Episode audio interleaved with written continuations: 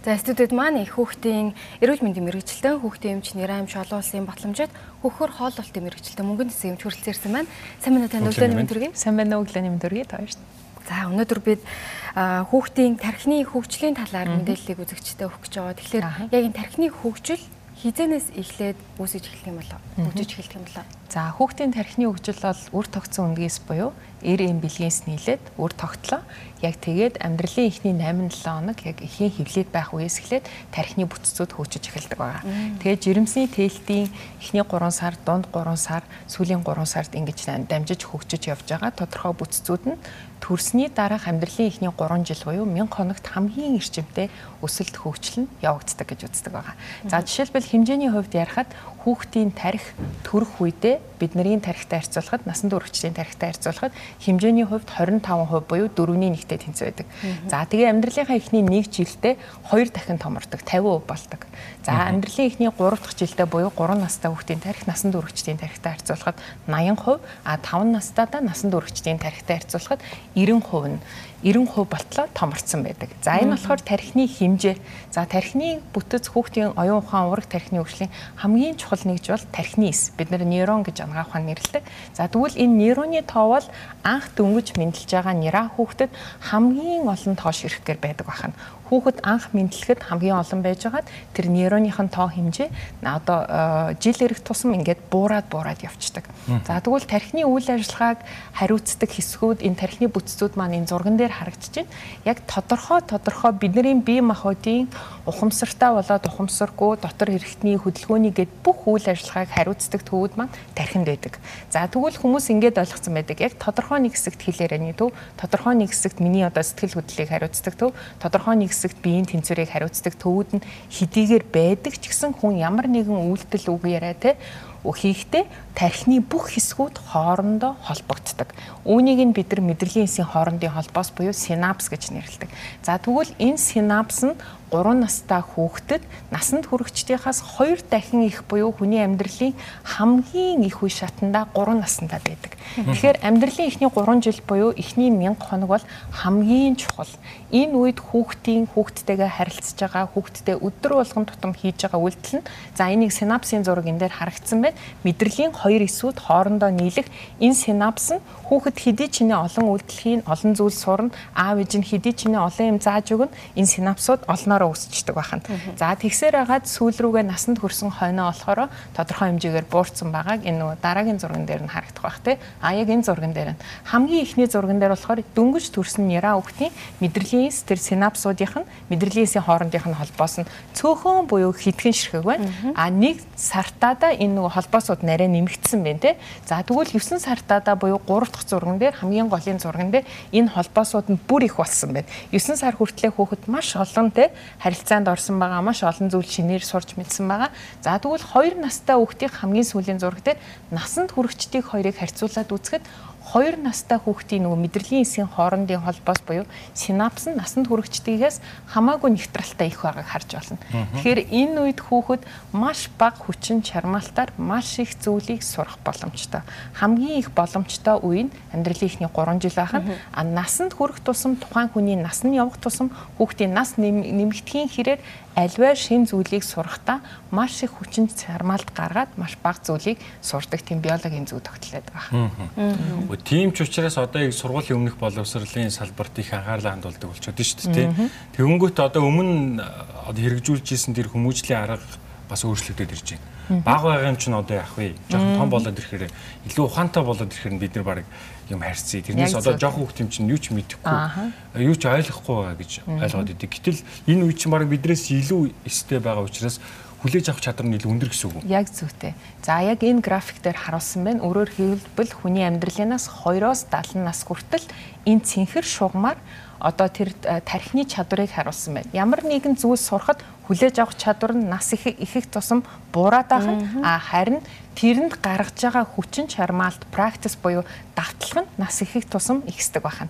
Тэгэхээр манай ээж нар аав нарын маань нэг буруу ойлгодог ойлголт байдаг. Тэр юу вэ гэхээр за хүүхдээ сургуульд орохоор нэм үцэрлэгт орохоор нь маш олон төрлийн те бие махбодыг хөгжүүлэх, урлагийн хөгжүүлэх, оюун ухааныг хөгжүүлэх, сэтгэн бодох чадварыг хөгжүүлэх дамжаанд одоо тэр үед нь явууландаа гэддэг. Яг үнэндээ амьдралын эхний 3 жил буюу ээж хүүхэд хоёр хамтдаа байгаа тэр хамгийн үнэтэй цаг хугацаа хүүхэд насанд хүрсэн хойно ирээдүйд бүх зүйлийг амархан сурах, дасан зохицох, альва нэгэн саад бэрхшээлийг асуудалгүй даван туулах тэр чадрууд нь эхний 3 жилдээ бүрэлддэг байна.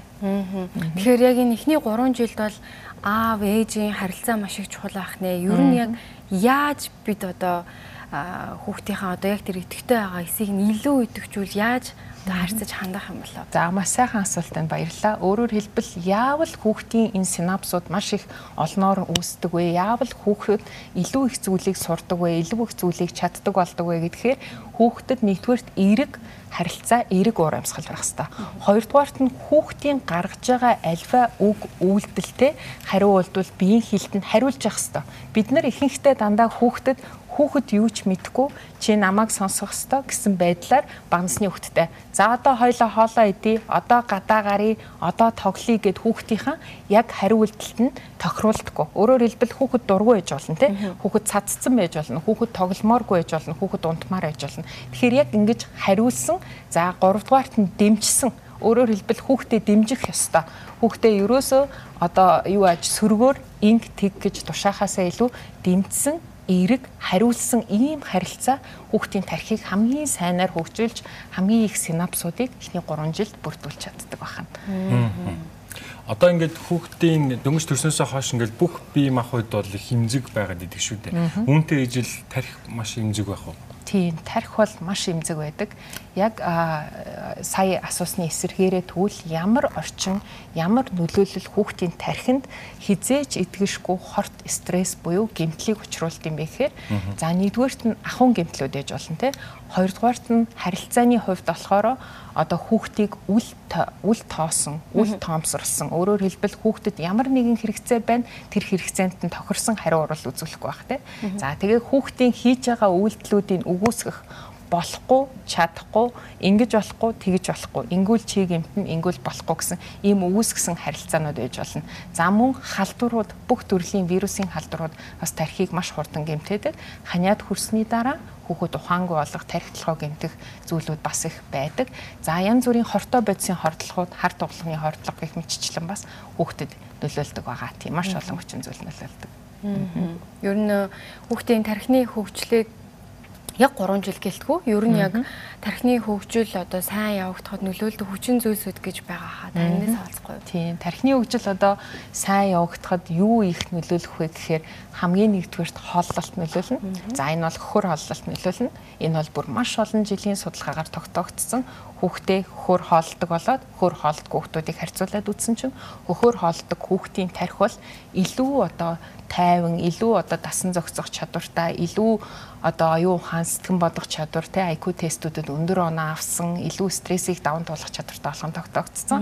Хоёрдугаарт нь эхийн хайр, аавын хайр, хамт байгаа гэр бүлийн гишүүд, эмээ өвөө ах トゥ усын хайр бол хүүхдийн тархинд маш сайнаар нөлөөлдөг.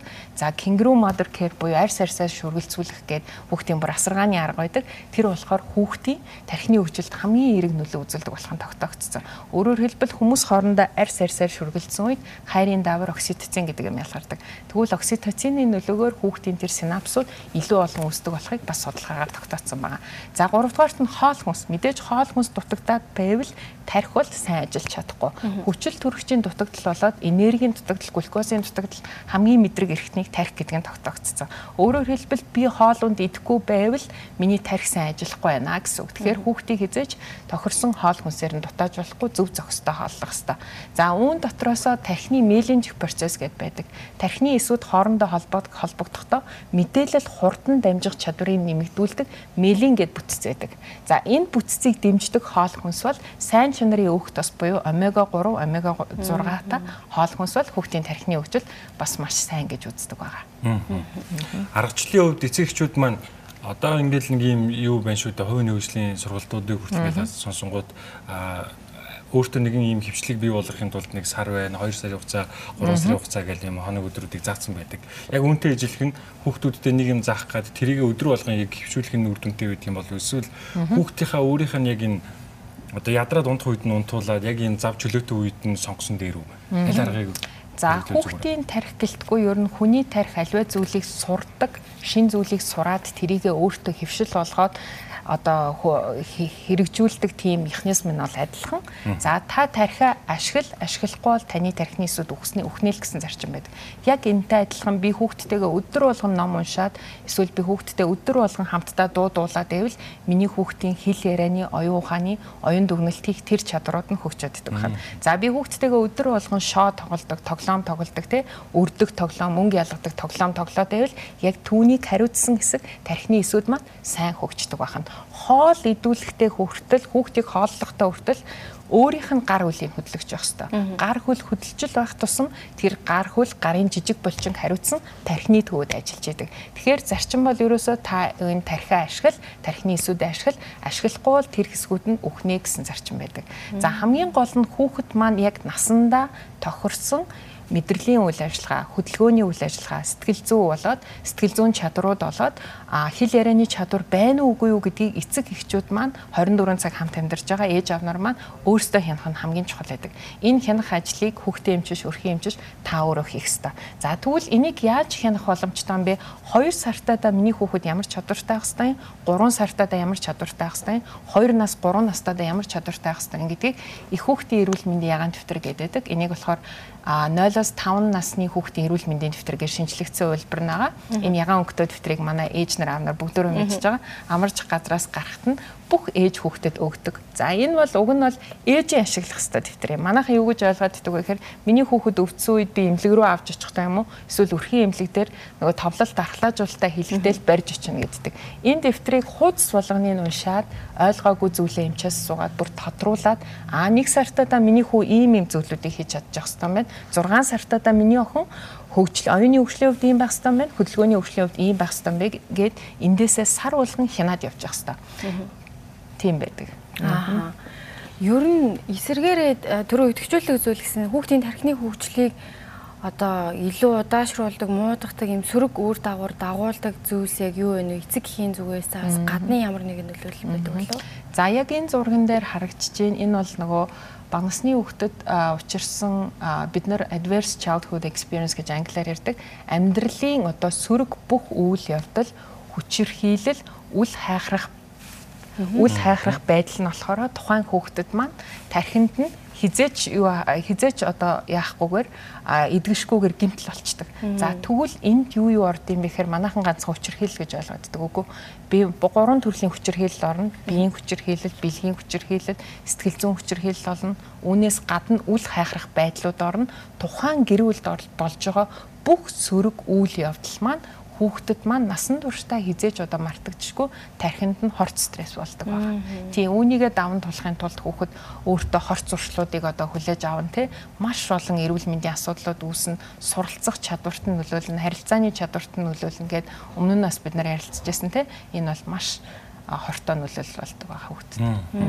Нийгэмд гарахтаа хүртэл одоо юу гэдэг нь сөрөг зүйлийг ингэж аваад ирэхээр тэр мэдрэмжүүдээ бас бусдтай хуваалцаад нийгэмд харилцаанд хүртэл энэ зүйлүүдээс гаргаад идэг баха. Тэгэхээр ерөөсөө багд нь л хамгийн сайн анхаарах хэрэгтэй юм байна. Тийм, багд нь маш сайн анхаарах хэрэгтэй. А хэрвээ ямар нэгэн өвчний болоод ийм сөрөг нөлөөллийн улмаас миний хүүхдэд мэдрэл, сэтгэц, хөдөлгөөн, хэл ярианы чадрын хоцрогдол байвал би энийг илрүүлээд би энийг хянжгаад ямар нэгэн байх ёстой зүйлдээ хүрэхгүй байвал өрхийн эмчит юм уу, хүүхдийн эмчит юм хандах ёстой. Эмчээ манай хүүхэд энэ хийж чадах ёстой тий.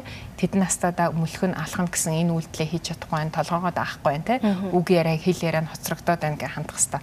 За хүүхдийн эмч үзэж байгаа шаардлагатай тийм илрүүлэг, шинжилгээ тестүүдийг хийдэг Өөрөөр хэлбэл энэ хүүхэд яг насандаа байх ёстой чадвар оюуны хөгжил, бие махбодын хөгжил, хөдөлгөөний хөгжил, сэтгэл зүйн болоод хэл ярианы хөгжил байна уугүй юу гэдгийг үздэг ээж ааваас нь асуудаг болоод хүүхдээр хийлэгдэг маш олон төрлийн тестүүд идэг. Энэ тестээр үзээд хэрв тухайн хүүхэд үнэхээр тэр хийх ёстой юмаа хийж чадахгүй байгаа тохиолдолд нөгөө мэрэгжлийн эмч нар руу явуулдаг хүүхдийн зан үйлээр мэрэгсэн хүүхдийн эмчүүдээ хүүхдийн сэтгэл заслын эмч болоод хүүхдийн сэтгцэн эрүүл мэндийн эмч, хүүхдийн сэтгэл зүйч гэсэн мэрэгжлийн хүмүүс рүү явуулдаг байгаа. За Америкийн нэгдсэн улсад жишээ хэлэхэд ийм илрүүлгүүдийг 9 сартаад нь 1 нас 6 сартаад нь 2 нас 6 сартаад нь бүх хүүхдүүдтэй хийдэг. А аутизм болоод аутизмын хүрээний эмгүүд гэж байдаг. А тэр өвчний илрүүлгийг болохоор 1 нас 6 сартаад нь 2 настад нь хийдэг. За энэ илрүүлгүүдээр сөрөг тест гарсан буюу энэ илрүүлгүүдээр бага оноо авсан тий насантай байх ёстойгоос байж чадахгүй байгаа эсвэл аутизм аутизмын хүрээний эмгүүдийн шинж тэмдэг илэрж байгаа тохиолдолд мэрэгжлийн эмч рүү явуулдаг байгаа. Эрт ил онцлог нь эрт илрүүлэх нь хамгийн чухал. За тун хэрэгтэй зөвлөгөөнүүд өглөө. Бидний ерөөхдөө ярилцах цаг дуусч байна. Танд магадгүй эцэгчүүдээ өөр одоо нэмэж зөвлөх зүйл байвал. За их хүүхдийн эрүүл мэндийн ягаан дэвтэр буюу энэ 5 хүртэлх насны хүүхдийн дэвтэр дээр танаа хүүхдийн мэдрэл сэтгэц хөдөлгөөний өвчлийг нас насандаа ямар байх ёстойг хуудас солгоноор нь нас насаар нь заасан байгаа. Тэрийг маш сайн уншаад миний хүүхэд өнөөдөр энэ үйлдэлүүдийг хийж чадж гэнэ үгүй юу гэдгээ байнга хинж явж байгаараа хэрв чадахгүй байвал мэрэгжлийн эмчит хүүхдийн эмчит хандах шаардлагатай юм биш үү гэж хэлмээрээ. За баярлалаа тань. За баярлалаа. Баярлалаа.